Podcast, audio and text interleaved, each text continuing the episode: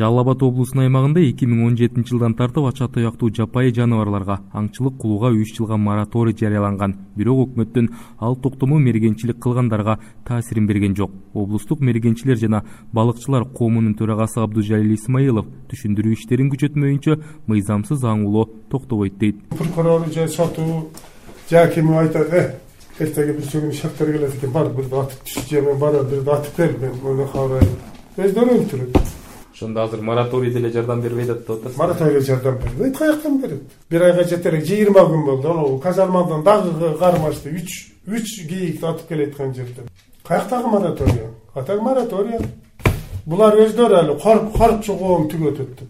Ал кожо жаштын камалганы чынбы жалганбы кудай билет ошол жак ошол маалда ошо байыркы эл ошо бизге аны насаат кылып кайтырып айтып кеткен мындай кылсаң сен өлүп каласың аскага камалып деп. Жалал абад областтык мергенчилер жана балыкчылар коомдорунун миңден ашык мүчөсүнүн алты жүз элүүсү мергенчилер. Былтыр август айында башталган аңчылык сезону ушул айдын этегинде жыйынтыкталат. Ушул аралыкта аңчылыкка чыккан мергенчилер он миңге чукул түрдүү канаттуу төрт жүздөн ашык коен атып алышкан. Ал эми калган жапайы жандыктарга тыюу салынган дейт абдужалил исмаилов мына аркар кулжа кийик элик камануулар эки миң жыйырманчы жылдын биринчи июлуна чейин аңчылыкка чектөө киргизилди. Биздин жалал абад областы гана боюнча а ошто мүмкүн? Бул кырылып кетпеш үчүн баягы жок кылып мисалы үчүн оштуктар атса бизге качат биз атсак ош моногул жака ош областуна болуп кетиши мүмкүн же мындан таласка болуп кетиши мүмкүн.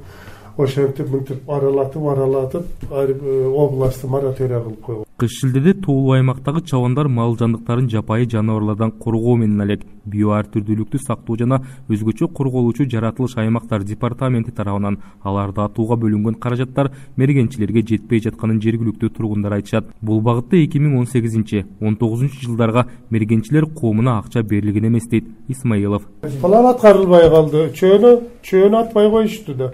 Акча төлөшпөй атат департаментке акча жок дейт департамент тарабынан бир чөгө эки миң карышкыр атууга беш миң сом бекитилген. Жыл сайын бюджеттен бул жумуштарга деп сегиз миллион сомго чукул каражат каралат. Аңчылык департаментинин мурунку кызматкери абубакир кадыров мекемедеги коррупциялык иштер боюнча орган кызматкерлерине кайрылганын айтат.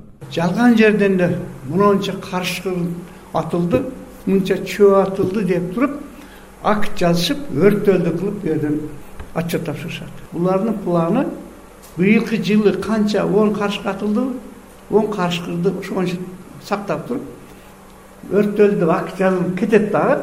Олор сакталат дагы эмки жылы. Кайра баягы он карышкынын үстүнө дагы беш очо он беш болобу оны дагы сактап кийинки жылга ушинтип алып жүрүштү да аны жегендер ким? Биздин департаменттин бишкектеги жетекчиси главный бухгалтер аны бул областтык ак сы районунун ак дөбө айылынын тургуну мергенчи миркыяз дилмурат уулу да. Былтыркы жылдан бери аткан алты карышкырына мамлекет бир сом да төлөп бербегенин айтты. Био ар түрдүүлүктү сактоо жана өзгөчө корголуучу жаратылыш аймактар департаментинин облустук бөлүмүнүн жетектөөчү адиси бакыт жаанбаев айтылгандардын баарын төгүнгө чыгарды жергиликтүү мергенчилер өздөрүнүн кызыкчылыктары үчүн атышып терилерин алып келишет. Комиссиядан өткөзүп анан акчалар төлөнүп берилип атат. Комиссиядан чыккан протоколдор бар. Тек бизге маалымат жөнөтүп турат. Ошол боюнча бизде данныйлар бар. Канча чөөгө канча карышкырга төлөнгөн боюнча. Эки миң он сегизинчи жылы үч жүздөн ашык чөөгө алтымыштан ашык карышкырга төлөнгөн облус аймагында былтыркы жылы мыйзамсыз аңчылык кылуу боюнча отуз сегиз факт катталган өткөн айда тогуз тороодо үч кийик аткан адамдарга карата эки жүз алтымыш миң сом айып пул салынган. Ача туяктуу жаныбарларга он жылга чейин мораторий киргизүү мыйзам долбоору азыр жогорку кеңештин кароосунда жатат. Руслан калматов азаттык жалал абад облусу